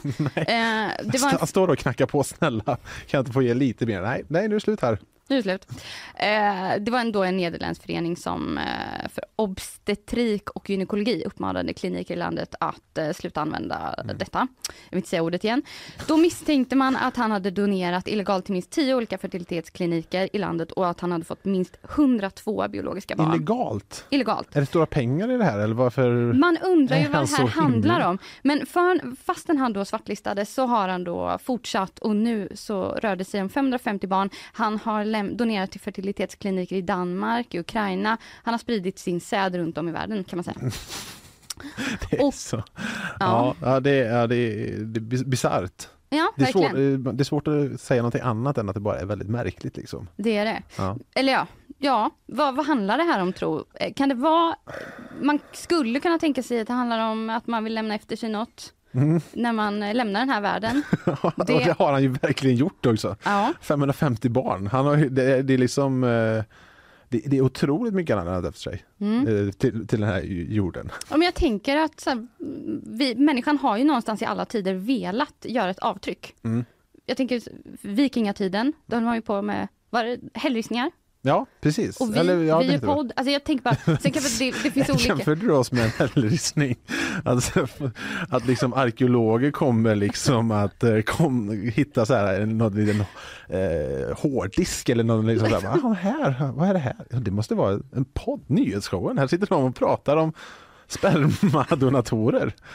Allt är jättelogiskt. ja, men vi är som hällristningarna Mm. Och eh, pyramiderna och allt det där. Det var bara något exempel. Så. Ja, något exempel. Ja. Men han verkar ju som sagt eh, dedikerad till det här. Och man skulle ju vilja veta ifall det är pengar eller ifall han bara är Han har själv onanist. sagt, Man måste säga det. Det kan vara så. Det finns Skulle risk. Han har i alla fall eh, sagt då till en kvinna som han har donerat till, jag hjälper bara kvinnor för att förverkliga sin största önskan. Mm, han är en dreammaker. Nej, men jag tycker det är bekymmersamt att folk litar på våra prognoser. Nu har jag tryckt på den där fel en gång till. Vi har hört honom många gånger. Men det, det, man ska tydligen inte lita på prognoser verkar det som enligt den här personen. Man ska inte heller lita på Filip Hammar visar det sig faktiskt. Va? Nej, det har han själv berättat nu. Eh, för de är, han, Filip och Fredrik är ju ständigt aktuella och har ju varit så sedan eh, urminnes tider faktiskt. Eh, och jag vet inte, kommer du ihåg deras sommarprat? Lyssnar du mycket på sommarprat överlag? Eh, jag brukar lyssna på några per år. Eh, bra somrar så kanske jag lyssnar på tio. Mm, har du något Eh. sommarprat som sticker ut kanske? Ja, Jonas Karlsson, skådespelaren. Mhm. Älskar honom. Eh, hans sommarprat från förra året var det absolut bästa jag har hört på flera år. Oj! Lyssna på det. Det handlar om att, lite, lite ålderskris. Han fyller väl 50 men han pratar om det på ett väldigt eh, bra sätt. Mm. Eh, Hörde, men du Filip hörde inte Hammar Filip var? Nej, jag hörde Fredrik Wikingsson som han körde från ett äldreboende. Just det, just det, just det. Nej men Filip och Fredrik hade ju ett eh, sommarprat gemensamt 2007. Eh, och det är väl 16 år sedan då om man har räknat rätt. Eh, jag minns faktiskt att jag lyssnade på det här. Det var ganska, eh, då, då, då var de ju lite up and coming kan man väl ändå säga. De var rätt heta då. Och berättade väldigt mycket om sina resor genom USA och coola saker de hade gjort där. Och en cool historia som Filip ville berätta där, det var att han fick en pistol mot huvudet en gång. Mhm. Mm. Det skulle man ju bli lite nervös över eh, ändå om det hade hänt. Jag blir Mm. nervös så fort det blir dålig stämning. Eh, lägg då till en pistol mot min tinning och jag är ett nervvrak. Nej men så här är det, han, han berättar i eh, podden att han då ska ha fått en pistol mot huvudet när han hånglade med någon annans fru under kvällen. Det låter kryddat. Ja, det, det, det var en cool historia han tyckte han skulle berätta i det här sommarpratet. Men nu visar det sig att det stämmer inte alls. Är det han själv som har sagt att han har ljugit? Ja, faktiskt. För de har ju nu eh, ytterligare en podd, Filip och Fredrik, som heter Filip och Fredrik svarar. Och då har de faktiskt fått en fråga just om den här händelsen. Och i början av avsnittet skriver Aftonbladet, då tonar Filip ner händelsen och, och säger att han, säkert, han var säker på att mannen inte skulle trycka av pistolen. Men då säger Fredrik att han eh, minns inte alls det här. Och han säger, jag minns inte att vi har pratat om det här eh, jag minns inte att vi har pratat om det här sommarpratet. Jag minns absolut inte att det har hänt. Vi har väl bara hittat på det, frågan. Det måste vi, säger han. Eh, och då eh, står han fast vid att det visst har hänt Filip. Eh, men efter några turer fram och tillbaka när han har funderat, stött och blött. Var det så att jag fick en pistol mot huvudet eller inte? Så säger han. Okej, ärligt då. Jag visste inte om vi skulle, eh, så säger han. Du bestämde nu att vi skulle gå ut med att det inte stämmer. Eh, ska man hålla sig till sanningen? Nej, det stämde inte. Erkännande i avsnittet. Och då gjorde de egentligen det här för att de ville fortsätta vara relevanta. De ville liksom krydda och berätta om deras coola liv i USA och eh, då valde helt enkelt Filip att berätta om den här pistolen som han Alltså inte jag- hade fått mot tidningen. Jag känner mig inte jätteöverraskad. Jag Mm. tänker att det är lite, de som lyssnar på Filip och Fredrik vet att det kryddas och vet att de lite ogenerat ljuger ibland. Mm. Eh, Jag har hört Filip dra li, två liknande historier som utspelar sig på olika platser. Eh, liksom Mm. nästan identiska historier med repliker och så, men på olika ställen. Ja. Och att det har gått några år emellan. Så jag tror att de, Och de igen- svingar nog lite. Ja, och egentligen, vem kan klandra dem? Jag kan tänka mig att det är lite stressigt när man kommer in och är het och liksom de bästa, alltså man, alla i Sverige känns som att de gillar den och man vill fortsätta att folk ska gilla den. Och då vill man vara cool också kanske. Det kanske man vill. Ja. Men frågan är, får man ljuga i ett sommarprat? För det är ju Nej. också så heligt. Ja, sommarprat känns som att där ska man faktiskt hålla sig lite till sanning. Det hade väl varit en annan fråga femma om det var i deras, eh, deras eh, egna podd. Mm. Också kul att någon 16 år senare känner att men nu måste jag få veta det. De hade ju troligtvis trott att de kom undan med det nu. Men eh, det gjorde de inte. Han berättade i alla fall att en del av historien stämde. Han ska ha enligt den här artikeln då hånglat med en finsk tjej och hennes man var på plats men han blev inte upprörd alls. Alls la jag till, men han blev inte upprörd står det i alla fall. Så eh, ingen pistol och eh, inget ont blod heller. Skönt för. Filip. Ja, det var skönt för Filip eh, på många plan. Mm.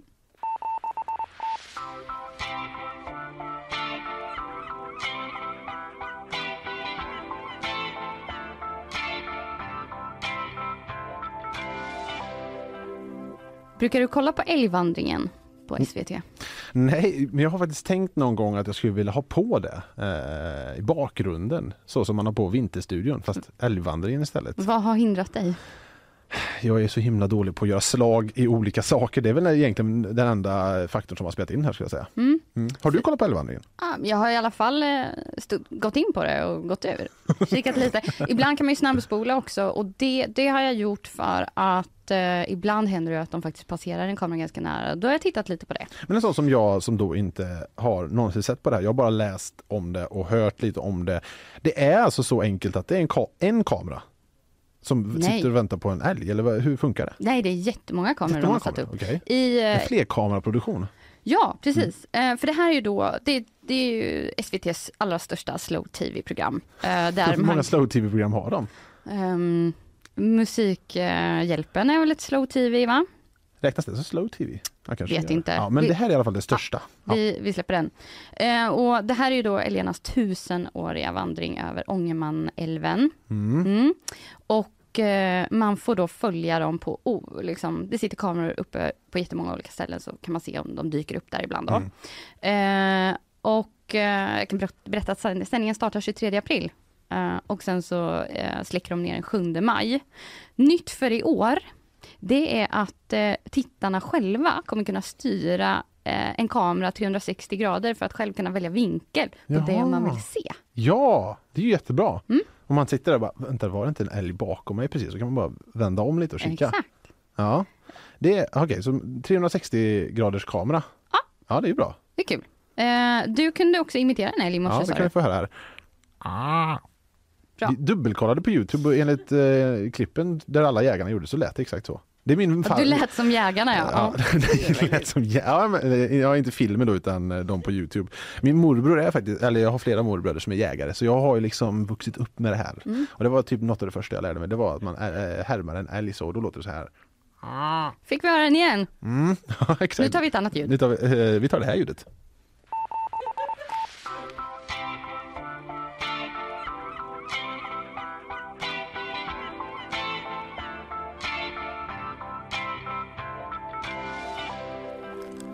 Karin, kan du härma en mammut? Nej, Nej, det kan man faktiskt inte göra. Och man kan dra ett jätteuttjötat skämt om mammutar, men det tänker inte jag göra heller faktiskt. Det är... eh, jag har inte hört det. Jo, Kör. nej aldrig i hela friden. Eh, det är det här med mammutar som dog ut och papputar. Papputar. Ja, ja, precis. Det, du kommer dra det för ditt barn när, när hon är tillräckligt gammal för att förstå basic eh, skämt. Då, då kommer det skrattas gott Mm. i Jansson-hemmet. Men vi ska inte prata om eh, eh, mammutar och papputar på det sättet, vi ska prata om något som är stort, brunt och köttigt. F- Mammutar? Ja, nej, faktiskt köttbullar. Eh, köttbullar. Ja, det är så den här eh, artikeln på GP faktiskt inleds. Den är stor, brun och köttig, men det är inte en vanlig bulle gjord på kyckling, fläsk eller nötkött, utan det är alltså en köttbulle gjord på mammut. Så- Riktigt bra reklamslogan där. Ja. Sto- okej. Du menar stor, brun och köttig? Mm. Det är faktiskt inte, jag blir, jag blir inte assugen på köttbulle när jag hör det. Men eh, så är det i alla Men fall. vadå, man kan väl inte äta mammut för mammut finns inte? Mm, nej, det tänker man ju, men det är folk, alltså man tänker, alltså folk sitter verkligen och gör allt Det finns någon liksom då i Australien är tydligen där, som har tänkt att vi måste väl försöka göra en köttbulle på mammut. Alltså det är liksom så Ja, det, det, man skulle vilja veta vad exakt alla på jorden gör och tydligen är det då några som sitter med det här. För det är det astra, australiensiska företaget uh, Wow eh, som har lyckats producera en köttbulle. Och Wow heter de säkert för att de insåg att va, det gick. Eh, och de har då gjort en, en ett kött eh, som då har framställts från mammutceller. Och företaget menar att det här är en del av ett projekt som ska demonstrera potentialen med så kallat odlat eller framställt kött, vilket är bra för klimatet. Det är ju köttproduktionen slukar ju ganska mycket eh, energi. Och, och släpper mycket, ut mycket koldioxid. Släpper ut mycket eh, koldioxid framförallt. Och deras mål då, säger de, vårt mål är att starta ett samtal om hur vi äter och hur framtidens alternativ kan se ut och smaka.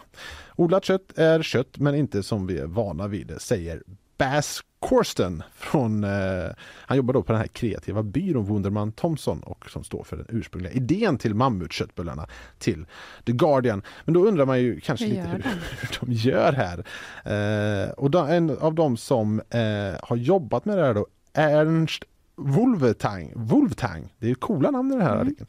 Eh, han är professor i bioteknik. Eh, han säger att de tog DNA-sekvensen från mammutmyglobin, ett protein som ger kött eh, dess smak och fyllde i de luckor som fattades med hjälp av elefant-DNA. Så de har liksom tagit någon sorts elefant, tagit DNA från den och sen då tagit det här mammutmyglobin och sen placerades den här DNA-sekvensen som det heter i stamceller från ett får. Såklart, det all, känns som att det alltid är ett får inblandat när man håller på med sådana här grejer. Och så snabbt multiplicerades det och så fick man eh, uppemot 20 miljarder celler som man kunde använda för odling till mammutkött. Och vad tror du det smakar då? Eh, jag tror att det är fiberrikt, alltså att det smakar eh, kanske lite mer åt eh, vilt. Ja, vilt. Det, det är en bra gissning men det är ingen som har smakat den så det är ingen som vet riktigt hur det smakar. Vi har inte sett detta protein på tusentals år så vi har ingen aning om hur vårt immunförsvar skulle reagera när vi äter det.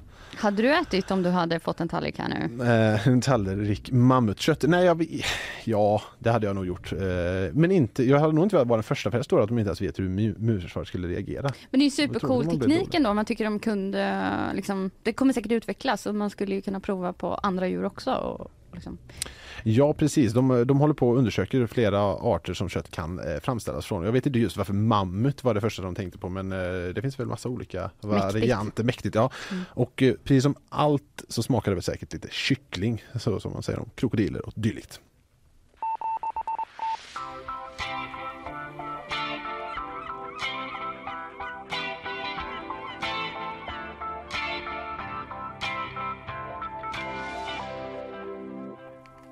Jag har en liten grej till. Kul! Vad är en bagares värsta mardröm skulle du gissa? Att mjölet tar slut. Ja, det är nästan den här bagarens dröm faktiskt. Eller att man säljer bullar och att alla blir magsjuka. Tänker jag. Mm, magsjuka, av, magsjuka av bullar. Jag vet inte. Ja, det hade varit fruktansvärt. Men Jonas Ottosson har varit med om någonting ännu värre än det här. Han har blivit drabbad av mjölallergi. Mhm. Det går inte ihop sig. Nej. Nej, Jonas Ottosson har råkat ut för det här. Eh, Det är en, han- en konditor och bagares kanske största farhågor får man säga. Jag läser från Bohuslänningen. Och hans verksamheten i Tanumshede ligger nu ute för försäljning för han kan inte jobba som bagare längre för han har blivit då allergisk mot mjöl. Tråkigt. Ja, det är ju väldigt tråkigt. Han eh, märkte det att det började liksom klia på händerna och det liksom till och med började spricka eh, liksom huden eh, av det här mjölet. Han har tydligen haft lite problem tidigare med det här. Och så kom det tillbaka nu för han var tvungen, han slutade som bagare och eh, började igen. Så eh, han tror att han haft det lite latent och att eh, han, han har kunnat bryta det i olika faser i livet. Eh, och hans bror fick också sluta inom den här branschen då på grund av sin allergi. Han har hört liknande historier från alla. Så han kan inte helt enkelt baka. Tråkigt. Ja det är faktiskt eh, eh, fruktansvärt tråkigt. Eh, och det som sagt började med att händerna blev torrare och torrare tills de sprack. Men en glad eh, nyhet är ju ändå att han kan fortfarande äta mjölbaserade saker. Det är bara luftburet. Just det, han är inte glutenallergiker. Nej, så han behöver liksom inte, ja det vet jag i och för sig inte. Glut, gluten och mjölallergi. Nu ställer du de bra Kanske frågorna. hoppa, hoppa över den delen hoppar då. över den delen men han, kan, han säger att han kan äta i alla fall. Eh, utan det är när det kommer in via luftvägen som det blir problem för honom. Så vi skänker ändå Jonas Ottosson en tanke. Eh, denna bagare i eh, Tanumshede som fick lägga ner sitt konditori på grund av mjölallergi.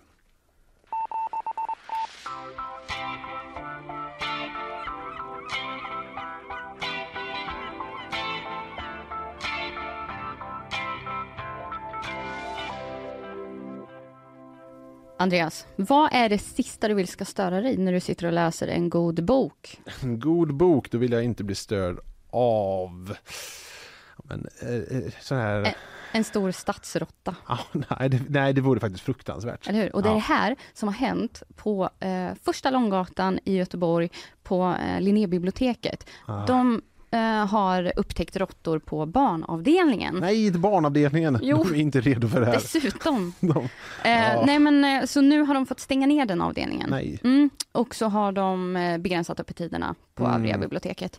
Eh, Anticimex ja, precis, har varit där. De- ställt ut eh, råttfällor. Ja. Det kanske också är en god anledning till att de stänger ner då, Ja, barnavdelningen. barnen går in i råttfällan. Exakt. Vi fick inga råttor men fick ett barn här Ja, som vi får skicka till råttorna.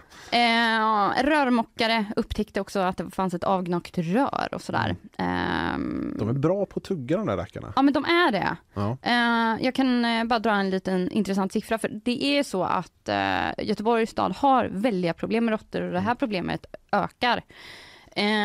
De eh, ställde ut såna här, Anticimex ställde ut elektroniska råttfällor i, nere i eh, avloppsrören i Göteborg. Mm. Under ett års tid, vill du bara gissa hur många man fångade in i de här fällorna? Åh, sånt här är så dålig på. Man vill inte gissa för högt för då blir det tråkigt. Eh, ett års tid, råttor fångade i eh, avgrunden i Göteborg. Eh, säger eh, två miljoner.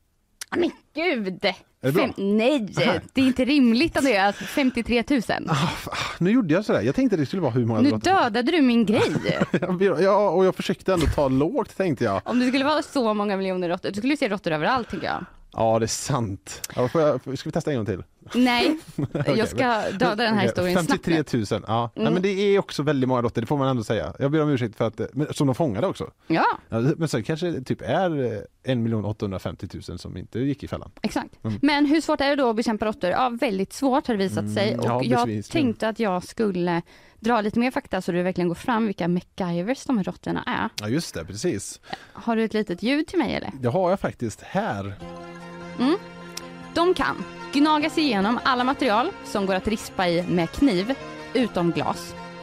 De kan hålla andan i flera minuter för att till exempel ta sig igenom ett vattenlås. De kan hoppa en meter rakt upp utan, att, utan ansats. De kan klättra på väggar, till exempel genom att klämma sig fast bakom ett stuprör. Råttorna är nattaktiva, men om de lever i en miljö där fienden, alltså människan, är nattaktiv kan de istället bli dagaktiva. Oh, det är frukt... Alltså de är så himla bra råttor. Mm. Får man säga. Mm. Synd bara att ingen gillar dem. Mm. Hade- tänk om de hade varit härliga djur. Så man bara oj, det här, här har vi ett härligt djur som kan hoppa in lite. Precis, som små tvättbjörnar bara springer runt där. Ja, jag tror de, de är i och för sig inte as eh, uppskattade heller tvättbjörnar i, eh, där de finns. Nej. De eh, snor ju grejer och så har sig. Har du, har du sprungit på en råtta någon gång? Ja, jag bor vid Jägerdorf så där springer de runt i den korsningen en del. Ah, jag har faktiskt inte sett en råtta. Jag har sett en råtta live i mitt liv. Jag är från landet. Mm. Där ser man ju inga råttor överhuvudtaget. Skogsmöss, Skogsmöss har jag mycket där. sett. Mycket på landet. Eh, landsmöss. Ska man kunna säga. Ja. Eh, du, ja, vi, Ska, ska vi börja landa den här sändningen nu? jag börjar fundera på det här. Eh, Jag minns när, eh, när Karl och Kalle, eh, producent Karl och eh, programledare Kalle berättade så sa de bra början och ett bra slut, det är det som behövs. Jag kom på det, vi har inte ens riktigt planerat hur vi ska landa det här fartyget, eller skeppet. Då ska vi köra en uh, Sveriges Radio här. Ja. Producent var Kristina Petersen, ljudtekniker Sofie Grabo och ytterligare producent Carl eh, Jansson. Mm, och så är det du och jag då, Jonsson och Jansson, eh, den nystartade mäklarfirman som faktiskt har gått in här och vikarierat på den här Exakt. posten. Man kan väl höra det här avsnittet om man vill i efterhand, eh, där poddar finns. Den finns även att se på eh, sajten. Där man också hittar eh, hur många nyheter som helst under hela dagen. Eh, bland annat det som vi har pratat om. Om man vill fortsätta grotta ner sig i fotboll eller hockey eller vanliga nyheter så finns det på Just det. gp.se. Hur tycker du det här har gått? Helt okej. Helt okej. Ja, jag skulle säga att det är helt okej också. Men det är inte upp till oss att avgöra. Så nu... Nej, fast det, vi får väl också säga att det gick helt okej. Förutom det lilla eh, headset-strulet som blev en sväng där. Men vi, vi, vi återhämtar oss. Kul att vikariera ändå får man ju konstatera. Ja, väldigt roligt och väldigt kul att vi får vikariera för eh, årets ljud som Göteborgs eh, Postens nyhetsshow är. Och med det tackar vi för oss, eh, som sagt Andreas Jonsson och Karin Jansson. Ha en fortsatt trevlig torsdag så kanske vi hörs någon gång i framtiden. Tack och hej! När mådde guys eh, så här? Vi tackar från Laul också som ska säga hej då.